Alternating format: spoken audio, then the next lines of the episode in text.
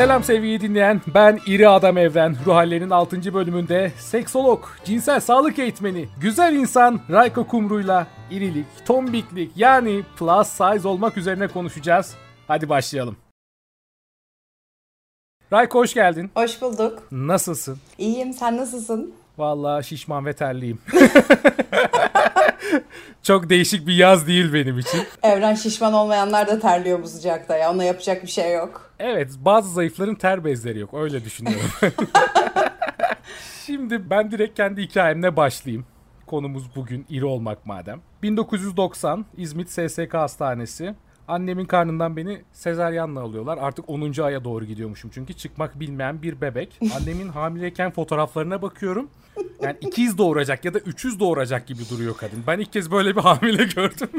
Sonra doktor beni bir çıkarıyor. 5-5,5 kilo bir bebek. Anneannemin anlatışıyla oğlum sen bir doğdun hastanede herkes seni ziyaret ediyor. Kocaman tombik bebek doğdu diye böyle hastalar, hemşireler, doktorlar beni görmeye gelmiş filan. Bilmiyorum anneannemin abartmasıyla bu şekilde. Neyse öyle başlıyoruz.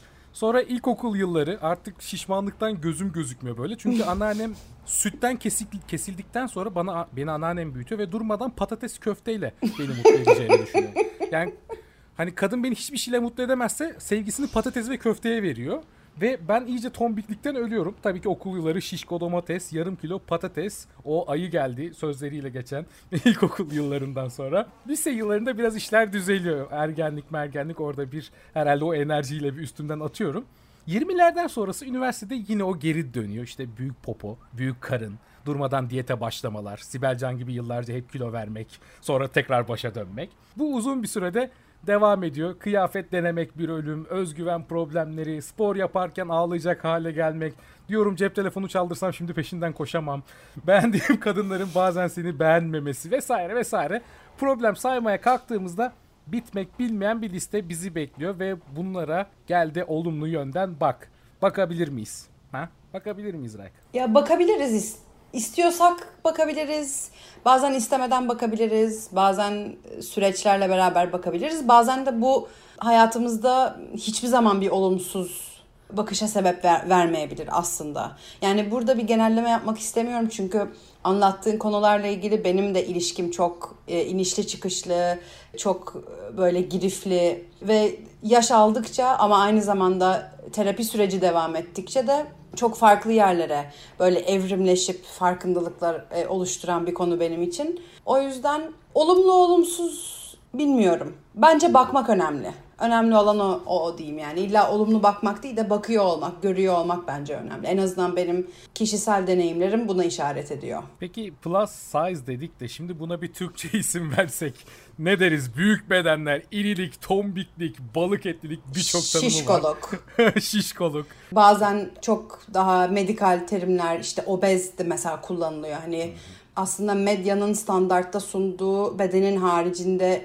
büyüklükte bedenlere genellikle insanlar çok bilinçsizce obez diye bahsedebiliyor. Aslında benim üstte çok düşündüğüm konulardan bir tanesi. Böyle sanki hiç işim yok ve sadece düşünür gibi bir imaj yaratıyor olabilirim tabii. Sadece düşünüyorum. Ama mesela büyük beden dediğin zaman ya kime göre neye göre büyük? Yani küçük ve büyük, iyi ve kötü çok göreceli kavramlar ya. Benim bu süreçten anladığım büyük beden dediğim zaman ya da biri dediği zaman şunu anlıyorum. Bir ideal beden var ya da bir bunun ortalaması var. Bunun büyüğünde olan her şeye büyük beden diyoruz. Ama şöyle bir istatistik var mesela. Kuzey Amerika'da daha doğrusu ABD'de ortalama beden kadınların ortalama bedenleri 14 beden. Yani 44-46 beden gibi düşünebiliriz. Ama 12 beden üstü büyük beden sayılıyor. Dolayısıyla aslında bir gerçeği yansıtan bir ortalamadan da bahsetmiyoruz. Tamamen kafada kurulmuş, hayal dünyasında üretilmiş, medyanın idealize ettiği bir standarda göre ve bu standart yıllar geçtikçe çok değişiyor. Bizim ortaokul, lise döneminden beri de çok değişti mesela.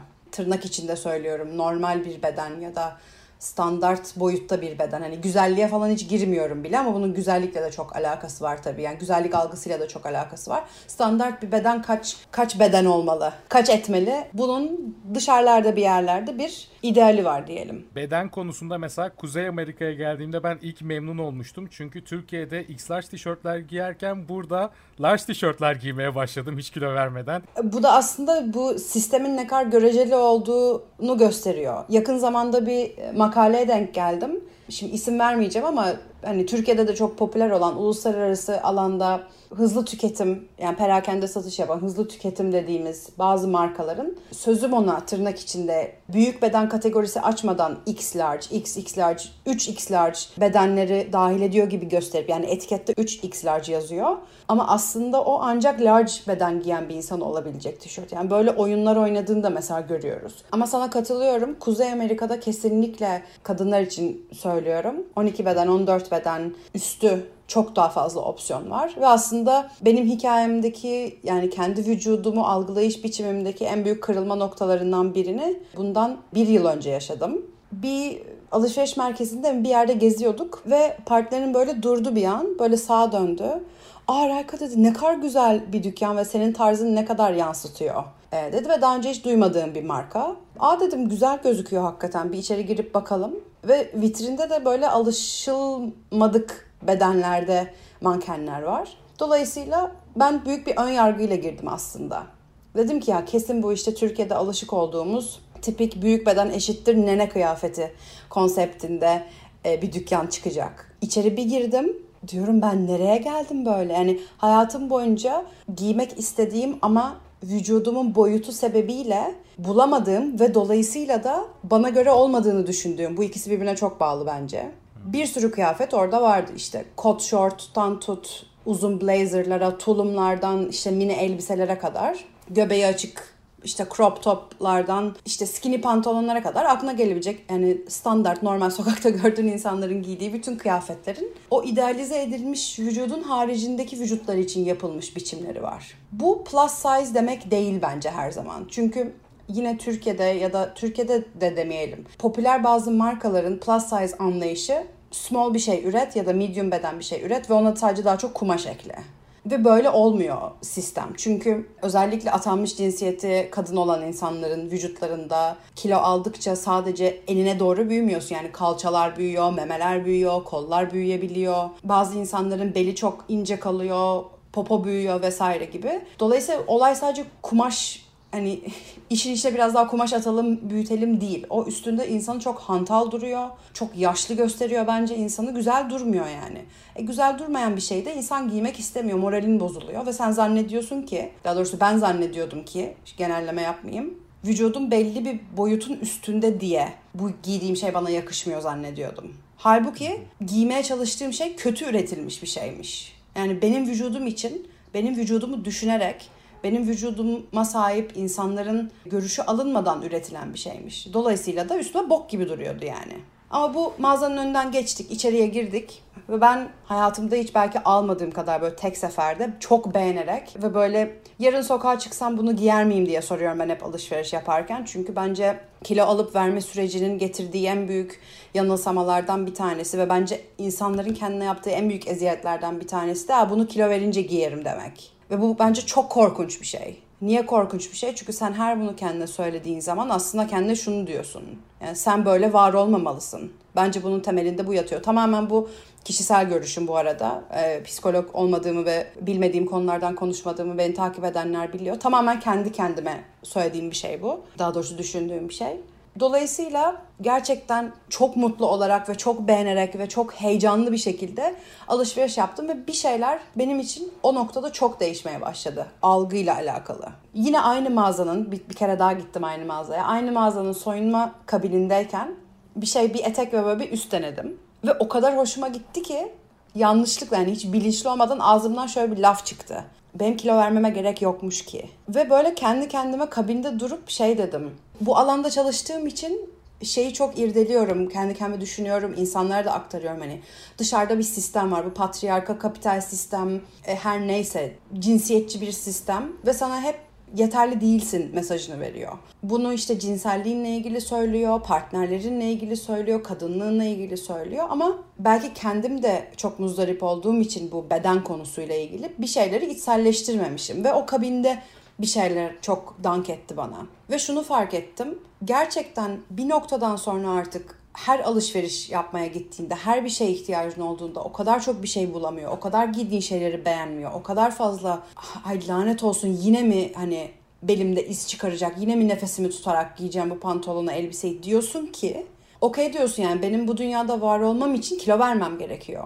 Çünkü istediğim şeyi giyemiyorum. İstediğim şeyi giyemediğim için kendimi güzel hissetmiyorum. Güzel hissetmediğim için belki gitmek istediğim yerlere gitmiyorum. Yani bu birbirine çok bağlantılı birçok birçok şey var. Belki o istediğim seksi şey giymediğim için istediğim şekilde sevişmiyorum partnerimle. Yani neyse bu. Dolayısıyla benim için o farkındalık çok ciddi bir özgürlük de demekti. Yani dedim ki sorun bende değil. Sorun yeterli malzemenin olmamasından, yeterli kıyafetlerin olmamasından. Benim ve benim gibi insanları temsil edecek ben bunun farkındalığına varabildim mi hala bu konu üzerinde düşünüyorum. Yalan yok. Bu bölümü biraz da bunun için yapmak istedim. Yani alışverişe gitmek benim için zaten kötü bir şey. Yani diyorum ki bir tişörte ya da pantolonda bir şey olduğunda eyvah yine gidip onları yenilemem lazım. Ama şöyle de bir duygum var. Bazen sadece giyinmek için giyiniyorum kilolarımdan dolayı. Yine kıyafet bulamadığım için. Hep tişört giyiyorum mesela ya da hep kot giyiyorum, şort giyiyorum. Olabildiğince rahat, daha kolay bulunabilen şeyler. Ama ben de istiyorum ki ne bileyim gömlekler giyeyim, ceketler giyeyim, fularımı takayım falan arada. Böyle bir isteğim de var ama mesela o bana çok sıkıcı geliyor. Çünkü onu bulmak o kadar zor ki. Takım elbise alıyorsun. Ceket oluyor, pantolon olmuyor. Ama takımı bozamam diyor adam. Böyle şeylerle karşılaştıkça da diyorsun ki abi X large tişörtünüz var mı? Ama mesela bende bunu kıran Reha Muhtar'dır. Reha Muhtar tüm kilosuna rağmen zevkle giyinen bir adam. Ama sanırım diktiriyor o da. Yani gidip de direkt bulduğunu düşünmüyorum. Sana çok iyi bir adresim var. Big and Tall diye bir mağaza var. Sadece işte tırnak içinde söylüyorum. Erkek kıyafetleri yapan bir mağaza. Ve hmm. hem uzun boylu hem iri insanlar için yapıyor kıyafetleri. Bilmiyorum keşfetmediysen çok tavsiye ederim. Bakacağım. Benim partnerimin boyu 2.03. E, dolayısıyla o enine iri değil, boyuna çok iri. Ama mesela onda da görüyorum yani olay, şimdi onun adına da konuşmak istemiyorum tabii ki. Fakat hani bugüne kadar girdiğimiz bu konudaki diyaloglarla alakalı. Evet belki uzun boylu olmanın enlemesine e, geniş olmakla aynı, insanlarda aynı perspektife sebep vermiyor. Aynı güzellik algılarına sebep vermiyor. Ama bu kıyafet bulamama muzdaripliği burada da var. Aynı şekilde hani bir yine tırnak içinde söylüyorum kadın ayakkabıları olarak değerlendirilen yani kadın reyonlarındaki ayakkabılara baktığın zaman 39'un e, üstünde bir ayak numaran varsa ayakkabı bulmakta zorlanıyorsun. Kanada'da bile trans kadınlar ayakkabı bulmakta zorlandıklarını söylüyorlar. Twitter'da bir gün böyle bir muhabbete denk geldim. Biri işte bir arkadaşım sormuş böyle nereden ayakkabı alabilirim? Çünkü ayağım 42 numara ve 42 numara standartlarında kadın ayakkabısı kimse üretmiyor. Hı. Aslında kıyafet çok çok kritik bir konu. Yani senin bazen kendini kabul edip etmeyeceğini bile dikte edebiliyor o kıyafet. Çünkü kıyafet her gün giymek zorunda olduğun bir şey. Kıyafet bizim doğduğumuzdan itibaren neredeyse hani cinsiyet kimliği algımız oturduğundan itibaren kendimizi dünyaya sunmak için kullandığımız en temel araçlardan bir tanesi. Dolayısıyla kendini ifade edecek kıyafetlere erişimin yoksa bulamıyorsan bunları o zaman bir kısmın yok gerçekten. Çünkü o kısmını karşı tarafa kesinlikle ifade edemiyorsun. Bak mesela sen diyorsun ben renkli gömlekler, fularlar giymek istiyorum. Belki bulamıyorsun ve kendini dış dünyaya ifade etmek iste, istediğin ciddi bir parçan e, şu anda var olamıyor. Aynısı benim için geçerli. Ben mesela bol paça pantolon giymeyi işte ne bileyim böyle bol ama üstüme yakışacak tişörtler falan giymeyi seviyorum. Ama bir süre bulamadığım oldu. Ve beni mutsuz ediyordu yani. Bilmiyorum başkaları ne düşünüyor bu konuda. Ben lisedeyken hatırlıyorum yani ortaokulun sonuydu ya da lisenin başlangıçlarında. Bu podyumlarda neredeyse hani tanı koymak bana düşmez tabii ki ama medyaya bu şekilde yansıyordu. işte anoreksik gözüken mankenler yani kemikleri, kaburgaları sayılan, çok çok zayıf olan mankenlerin ortaya çıkmasıyla ya da medyada daha çok yer almasıyla, podyumlarda onlara daha çok yer verilmesiyle ve aynı zamanda mankenlerin iş alabilmesi için öyle olmalarını gerek estetiğini dikte eden bir sistemin ortaya çıkışıyla beraber gerçekten anoreksiya tanısı, bulimiye tanısı alan insanların sayısının arttığını biz biliyoruz. Medyanın gücünü bazen çok şey yapıyoruz, e, çok azımsayabiliyoruz. Çok çarpıcı bir araştırma var. Emily Nagoski'nin bir kitabında e, bahsediliyor. Yanılmıyorsam 1997 yılında Avustralya'nın evet üstündeki adalardan bir tanesinde sanırım Solomon adalarından adalarında henüz televizyon yok. İşte 95 ya da 96 yılı diyelim. Böyle bir köy ya da kasaba gibi düşünebiliriz. Ve bir araştırma yapılıyor vücut algısı üstüne. Ve sonra bu topluluk televizyona erişim kazanıyor. Televizyona erişim kazandıktan sonra aynı araştırma yapılıyor. Ve özellikle genç kadınlarda beden algısını çok olumsuz etkilendiği, yeme bozukluklarının ortaya çıktığı ve insanların vücutlarıyla kendilerini mutlu hissetmedikleri ortaya çıkıyor. Yani medyanın üstümüzdeki etkisi gerçekten hiç azımsanacak bir etki değil. Geçtiğimiz yıllarda bir konuşmamda şunu söylemiştim. Ben lise başlarındayken o dönem hani yetişkin bir insan, yetişkin biri vücudunu düşünebiliyor musun? Belki işte liposuction yaptırıyor, belki memelerinin bir kısmını aldırıyor, küçültüyor yani bir küçülmeye gidiyor. 7 yıl sonra, 10 yıl sonra, 20 yıl sonraya gidiyorsun ve birdenbire bambaşka bir vücut modeli popüler olmaya başlıyor. Yani bu bir tişört renginin popüler olması gibi bir şey değil. Vücut gerçekten hani çok te- tehlikeli boyutları da var bunun. Sadece kilo alıp vermeyle alakalı değil aynı zamanda bir takım trendleri yaratıyor olmasıyla, bir takım ürünlerin satışını mümkün kılıyor olmasıyla, vücudumuzun içinde bizi bok gibi hissettiren sistemden en karlı çıkan şey kapital sistem. Yani ürün sattırıyor çünkü. Zayıflamak mı istiyorsun? Ürün sat. Belini mi inceltmek ama poponu genişletmek mi istiyorsun? Şu çayı iç. İşte bunun aynısı cinsel organlar için de geçerli. Bu da bir trend. İşte vulvanı pembeleştirmek mi istiyorsun? Gel hemen rengini açalım. Anüsünü mü beyazlatmak istiyorsun? Gel hemen beyazlatıcı sürelim gibi gibi. Bütün bunları mümkün kılıyor bu sistem. Bu sistemin işleyebilmesi için de bizim kendimizi bok gibi hissediyor olmamız gerekiyor. Ve çoğunlukta da başarılı oluyor. Şimdi medya geçti artık bir de sosyal medya diye de bir gerçek hmm. var.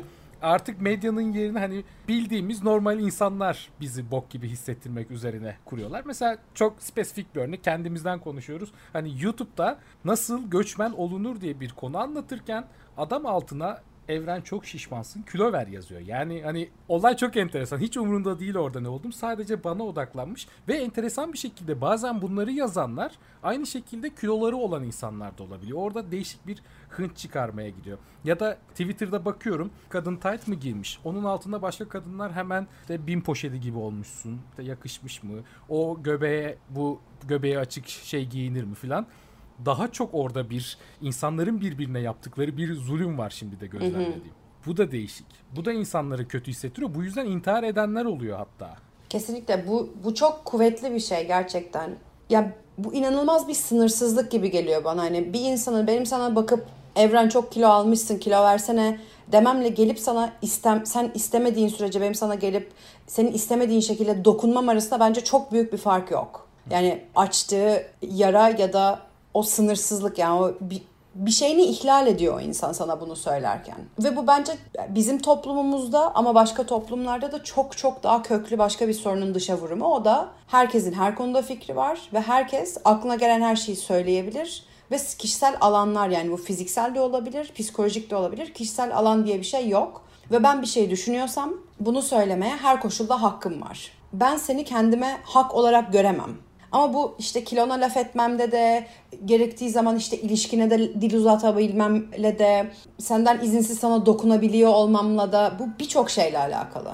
Ve özellikle hani özellikle Türkiye'de vücut yani mesela birkaç ay boyunca bir arkadaşını görmüyorsun. Seni gördüğü zaman ilk söylediği şey mesela hiç kilo vermemiş de olabilirim. Hiç kilo almamış da olabilirim ve bu çok kez başıma geldi. Aa kilo mu verdin? Aa kilo mu aldın? Aa ne kadar güzelleşmişsin kilo mu ver? Yani bir... Saçma sapan bir soru ya.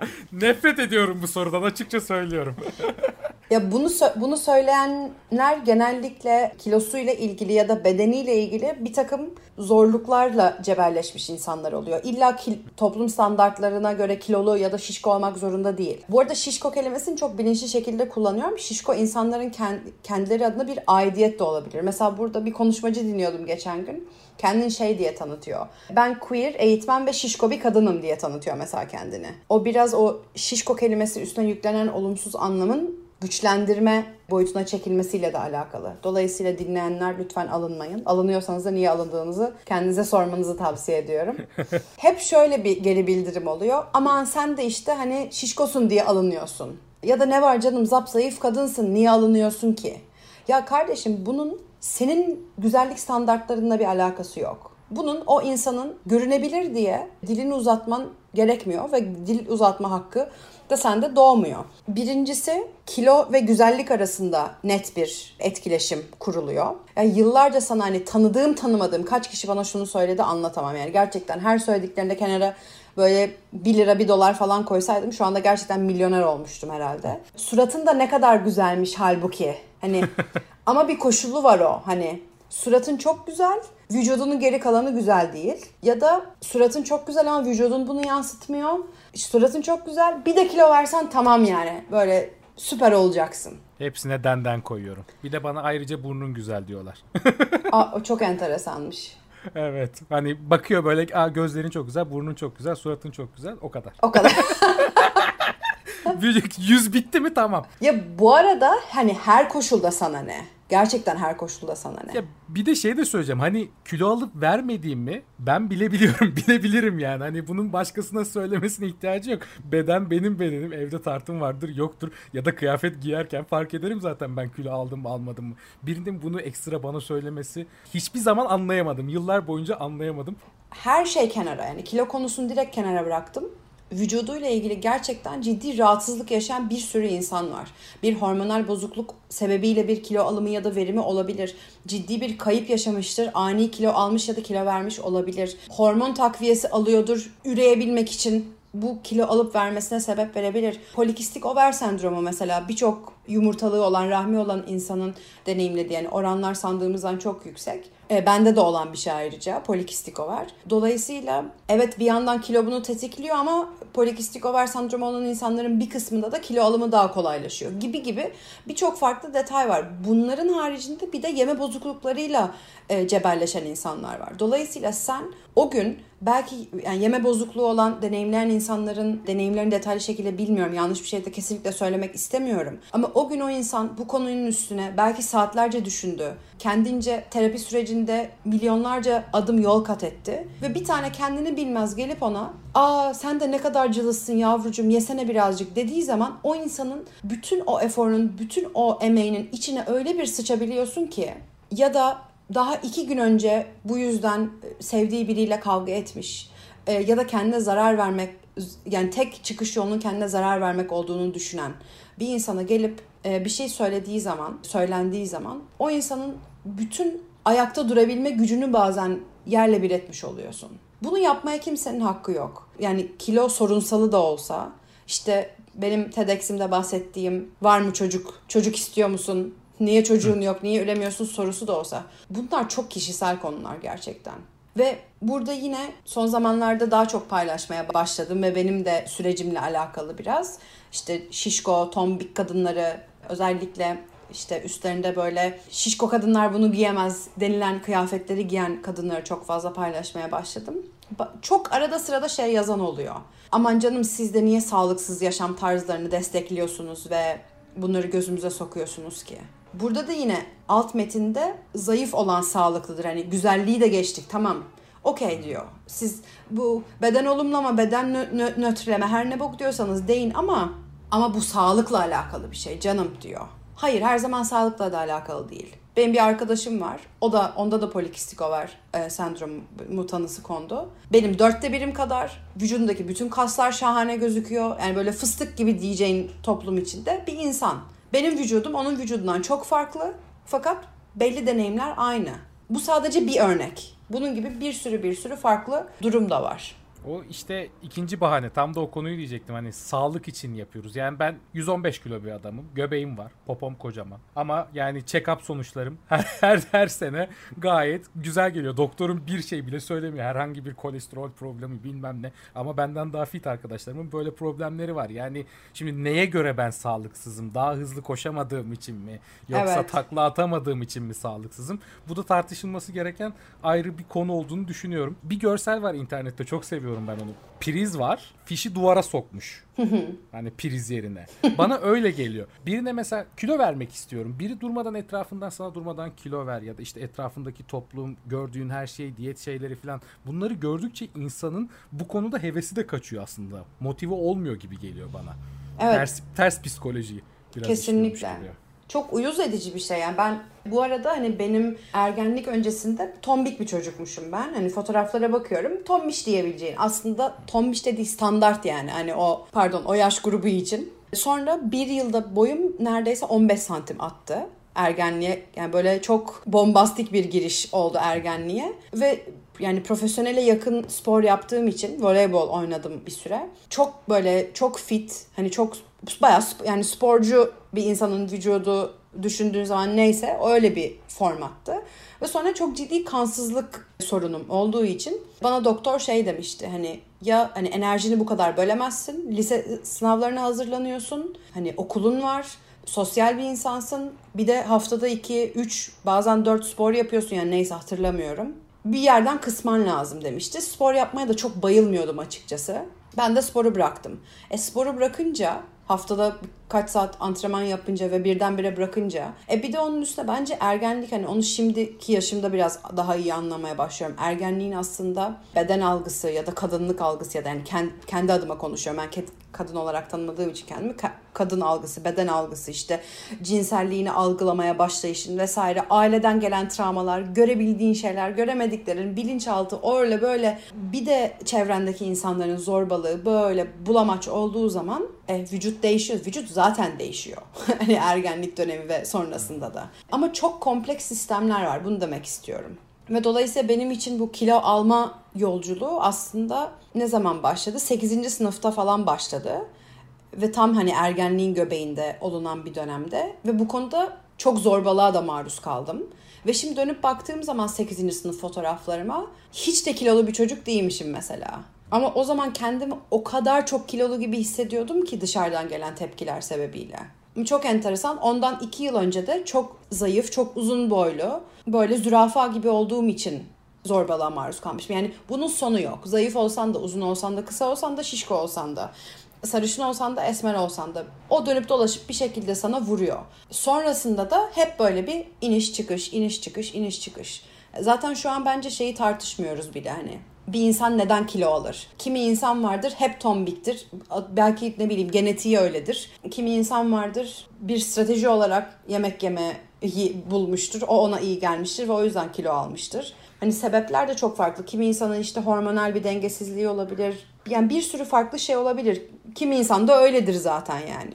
Ya benim için Üzülünce de mutlu olunca da yemek yemeyi seviyorum. Kim insan sigara içiyor, alkol içiyor, alkol, alkol alıyor, bir şeyler yapıyor. Yani bir şeyler yapıyor. Benim için de yemek oldu. Bu doğal olarak da hani beden ölçülerinde etkiliyor. Bunu kabullenmiş durumdayım. O yüzden şey yok dediğin gibi. Herhangi biri neden neden neden neden diye sormasının bir anlamı yok diye düşünüyorum artık. Yani kişi bunu ancak kendine sorabilir. Benim mesela evet. benim mesela merak ettiğim ve üstüne hani çalıştığım sorulardan bir tanesi. Bu arada dinleyen kimseye neden diye sormuyorum. Lütfen bazen e, çok hadsizce alana merakı olan ya da işte psikologculuk oynamak isteyen psikolog demiyorum çünkü psikologlar genelde işin etiğiyle yapıyorlar. Psikolog... Açık öğretimden ben de okuyacağım psikolog olacağım.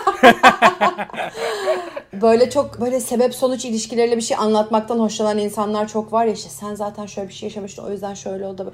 Ya Abi yani bırak bırak onu uzmanıyla ben istersem konuşayım ya. Yani bu herhangi bir konu olabilir. Bunu ancak kişi kendine sorabilir. Kendine sormuyorsa da zaten dışarıdan bir insanın söylemesiyle asla sorup ele alacağı bir soru ya da sorunsal asla olamaz. Ya burada bizi bilmiyorum hani dinleyicilerinden ebeveynler var mıdır, ee, çocuk yetiştiren ya da çocuklarla çalışanlar var mıdır ama varlarsa şunu söyleyebilirim ki yani bir cinsellik eğitmeni de olarak yani bunu profesyonel ve aynı zamanda kişisel olarak söylüyorum. Gerçekten çocuklarınızın bedenleriyle ilgili yorum yapmayın ya. Yani o yorumları bir kendinize saklayın. Yorum yapma ihtiyacı hissediyorsanız da kendinizi sorgulayın. Neden bu konu hakkında bu kadar cayır cayır yandığınızı ve yorum yapma ihtiyacı hissettiğinizi ve yüzde yüz eminim bir şey bulacaksınız orada. Bu yani kendi deneyimlerimde de böyle. Çok yakın çevremde hem büyürken yakın zamana kadar vücudumla ilgili yorum yapma hakkını kendinde gören ve bunu beni çok sevdiği için yaptığını iddia eden ve kendi de böyle gören insanlar vardı evet. Ve hala da var. Yani artık yorum yapamıyorlar çünkü ben ne diyeceğimi daha iyi biliyorum. Fakat bu yorumu yapan insanla ilgili çoğunlukla. Yani %99 onlarla ilgili diyebilirim. Bu bir farkındalık. Bu farkındalıktan önce o sevdiğin insanların yaptığı yorumlarda hissettiğin duygularla şimdikiler arasındaki fark da bu mudur? Yani artık bu yorumların onlarla kaynaklı olarak olduğunu düşünüyorsun ama daha öncesinde nasıl hissediyordun? Bok gibi hissediyordum tabii ki. İğrenç hissediyordum. Alttan alttan aslında bu konuyla ilgili saatlerce konuşabiliriz. Kilo meselesinin insanlara dokunduğu yerler o kadar farklı ki. Yani yorumu yapan için de çok farklı, yorumu alan için de çok farklı. Mesela yorumu yapan şöyle bir algıya sahip diyelim ki. Kilolu insan güzel değildir. Kilolu insanı eşi aldatır. Kilolu insan erken ölür. Kilolu insanın çocuğu olmaz. Kilolu insan arkadaşsız kalır. Bunların hepsi ya da her biri şu an rastgele aklıma gelenleri söylüyorum. Bunların her birinin altında o yorumu yapan kişinin bir deneyimi ya da kendi kendiyle alakalı bir durum var. Onu tamamen kendisiyle alakalı bir formatta olan mesajı karşısında o mesajla belki hiç bir kişisel bağlantısı olmayan bir insana aktardığı zaman onda çok korkunç etkiler de yaratabiliyor. Çünkü onun öyle bir referansı yok. Diyor ki ha siktir bir dakika gerçekten bu olabilir mi bana? Gerçekten ben erken mi öleceğim? Gerçekten beni partnerim aldatacak mı? Gerçekten benim çocuğum olmayacak mı? Benim arkadaşım olmayacak mı? Beni kimse sevmeyecek mi? Bir sürü bir sürü arkasından bir şeyler getiriyor. Yani olay sadece kahrolsun kapitalizm bize niye kıyafet üretmiyorlar biz de güzeliz biz de varız değil yani. Bunun çok daha çok daha ötesinde. Dolayısıyla hani gençlik gen, yani gençlik zamanımda daha gençlik diyelim hala gençiz. Ee, gençlik zamanımda vücudumla ilgili, kilomla ilgili söylenilen şeyler tabii ki de çok canımı yaktı. Yani bunu asla yalanlayamam. Belki de daha çok bunun üstüne gitmeme sebep verdi. Belki de daha kilo almama sebep verdi. Mesela böyle bir enteresan kısmı da var. E, terapistimle konuşuyordum bu konuyu ve bana şey dedi. Rayka şu, şu ana kadar anlattıkların, verdiğin örneklerin her biri potansiyel bir yeme bozukluğu bile olabilirdi dedi. Dolayısıyla sözlerin özellikle ebeveynlere söylüyorum. Ebeveynlere ve çocuklarla çalışan uzmanlara söylüyorum. Söylediğiniz sözlerin çocuklarınızın üstünde ya da ailenizdeki diğer çocukların, yeğeninizin, torununuzun vesaire üstündeki etkisini gerçekten tartamazsınız. Yani imkansız bence. Acil çıkış. Şimdi birazdan Instagram'dan gelen sorulara da geçeceğim. Ee, ona bağlayacak bir şey söyleyeyim ben de bununla alakalı. Çünkü mesela bende de o. Biri sana kilo ver dedikçe işte ya şişmansın göbeğin var kocaman filan dedikçe evet deyip aynaya bakıp kendimi bir fast foodçuda buluyordum hep. hani evren kilo veremiyorsun al sana biraz daha hamburger al sana biraz daha patates kızartması. Ya pizzanın yanına hamburger söylemişliğim var bu sinir harflerinde.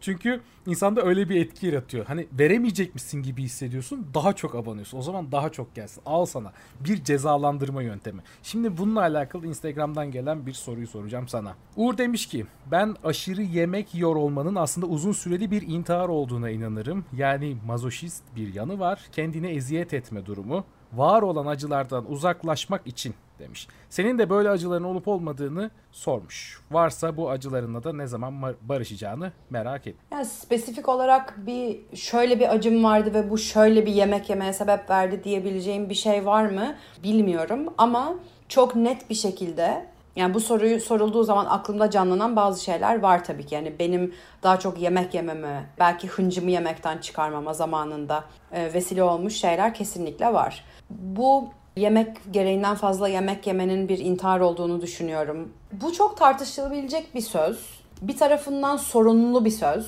Yemeği çok böyle kötü yapan bir söz. Bir yandan da baktığın zaman hani yemeğin hayatımızda nasıl bir fonksiyonu olmalı aslında? Yemek hani enerji toplamak, hayatımıza devam etmek için aslında var olan bir şey. Ama bir yandan da çok sosyal de bir şey. Dolayısıyla şimdi bakıp şey diyenlere de katılmıyorum.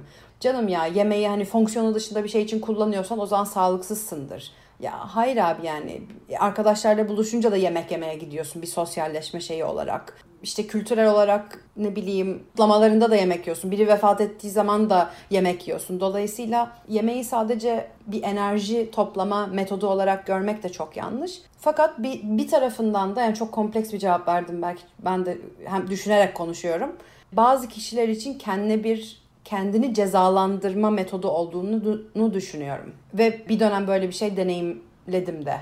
Ve yakın çevremde başka deneyimleyen insanlar da var. Ve bunları gözlemledim. Hmm. Başka bir soru o zaman. Umay da demiş ki her gün aynaya bakmayı, tartıya çıkmayı nasıl aşabiliriz? Aşmasak da aynada ve tartıda gördüklerimizi kabul edebilir miyiz demiş. Instagram'da ruh halleri için sormuş. Ya benim bu kabul etme, barışma gibi tabirlerle ilgili ciddi bir sorunum olduğunu fark ediyorum son zamanlarda. İşte kendinle barış. Yani ben kendime küsmedim ki ya da yani ben diyorum kendi üstümden anlatıyorum. Kendine küsmek, kendinle bar işte barışmak, kendini sevmek falan bana biraz çok böyle fasafiso şeyler gibi geliyor.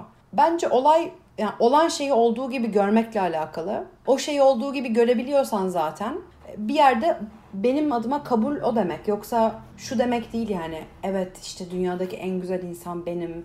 Ben kendimi işte her koşulda çok severim falan. Bunu buraya ulaşmış bir insan var mı bilmiyorum. Çok sanmıyorum ama. Bunun bir yolculuk olduğunu düşünüyorum. Hani kesinlikle hemen vardığın ya da belli adımları izlersen vardığın işte belli kişisel gelişim kitapları okursan elde edebileceğin bir şey olduğunu çok düşünmüyorum kişisel olarak. Ama farkında olmak bence çok önemli. Ben vücudumdan memnuniyetsizim bunun farkındayım. Bununla ilgili ne yapabilirim? Kendime daha şefkatli yaklaşmak için. Kendimi kendi standartlarımda daha sağlıklı bir bireye dönüştürebilmek için. Bu kilo ve yemekten bağımsız olarak o da olabilir, bağımlı da olabilir. Tartılma konusu ya evdeki tartını çöpe at. Sevdiğin birine ver. Bence bu iyi bir taktik olabilir. ben en son bir buçuk yıl önce falan tartıldım. Sözünü ee, keseceğim. Tabii. Bir arkadaşına tartı hediye etmek yanlış anlaşılabilir. Doğru pardon. Aynı şey. Ay, Başa doğru. dönmüş oluruz. Biri bana tartı hediye ederse üzülürüm yani. hediye derken bak orada da e, Kanada Kanada şeyi çıktı, ruhu çıktı orada. Burada her şey birbirine donate ediliyor ya. Evet. Hani evde kullanmadığını bizde olsa ne yapayım lan senin ikinci el eşyanı falan diye hötlenirler hötlenmişlikleri de var bu arada bana geçmişte. Bu, burada ama şey böyle herkes hani kullanmadığın bir eşya varsa birine veriyorsun e, kafası. Tartınızı bir yere saklayabilirsiniz. Bilmiyorum yani dediğim gibi yanlış bir şey de söylemek istemiyorum. Evet, kapının önüne koyarsanız alıyor birileri.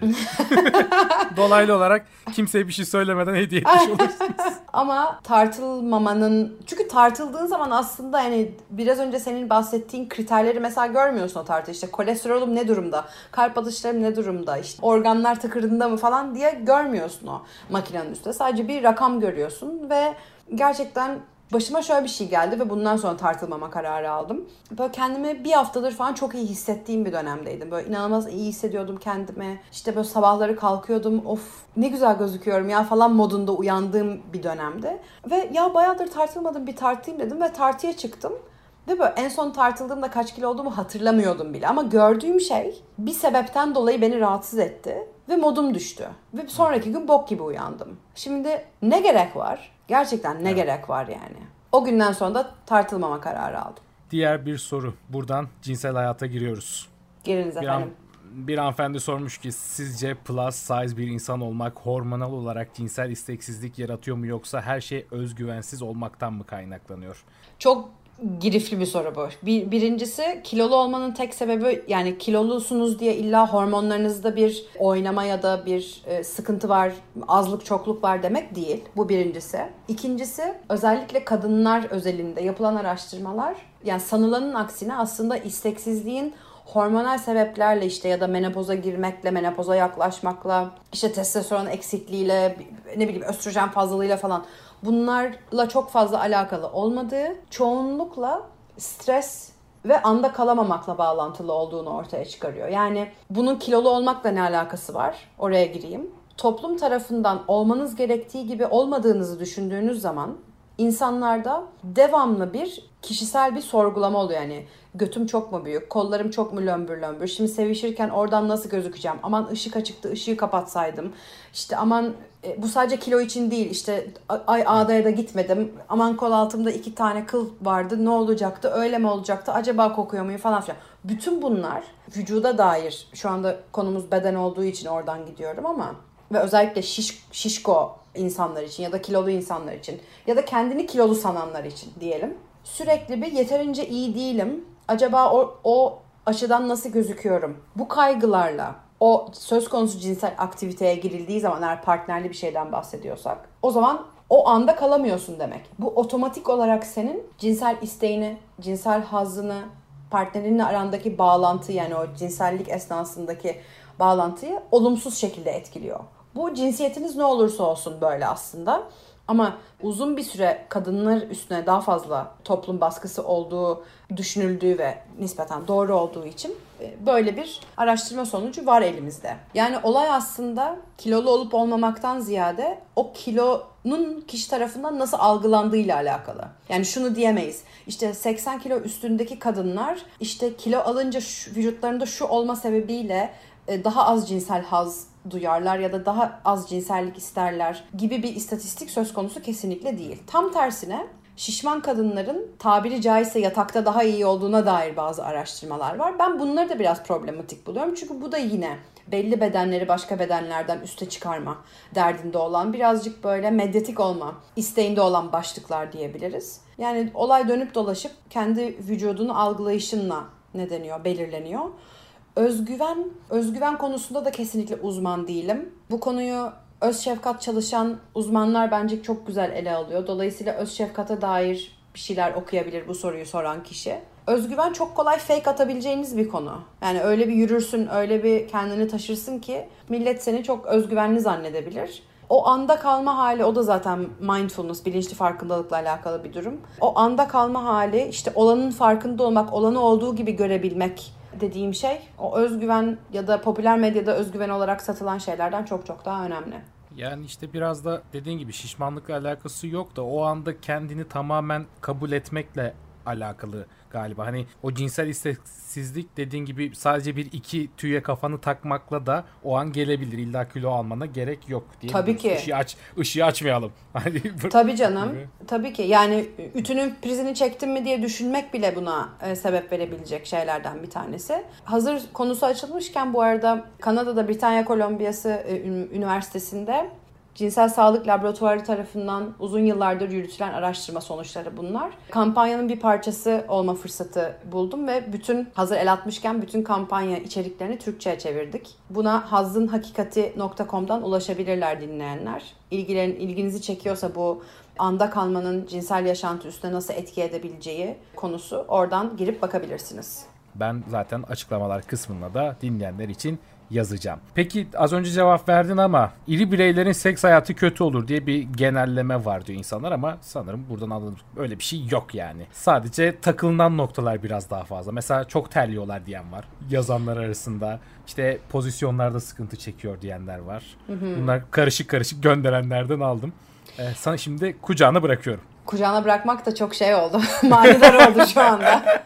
Konuyu masanın üstüne bırakıyorum diyeyim. Evren o da olmadı. ya da o da oldu bilmiyorum. Terledim şu anda ben.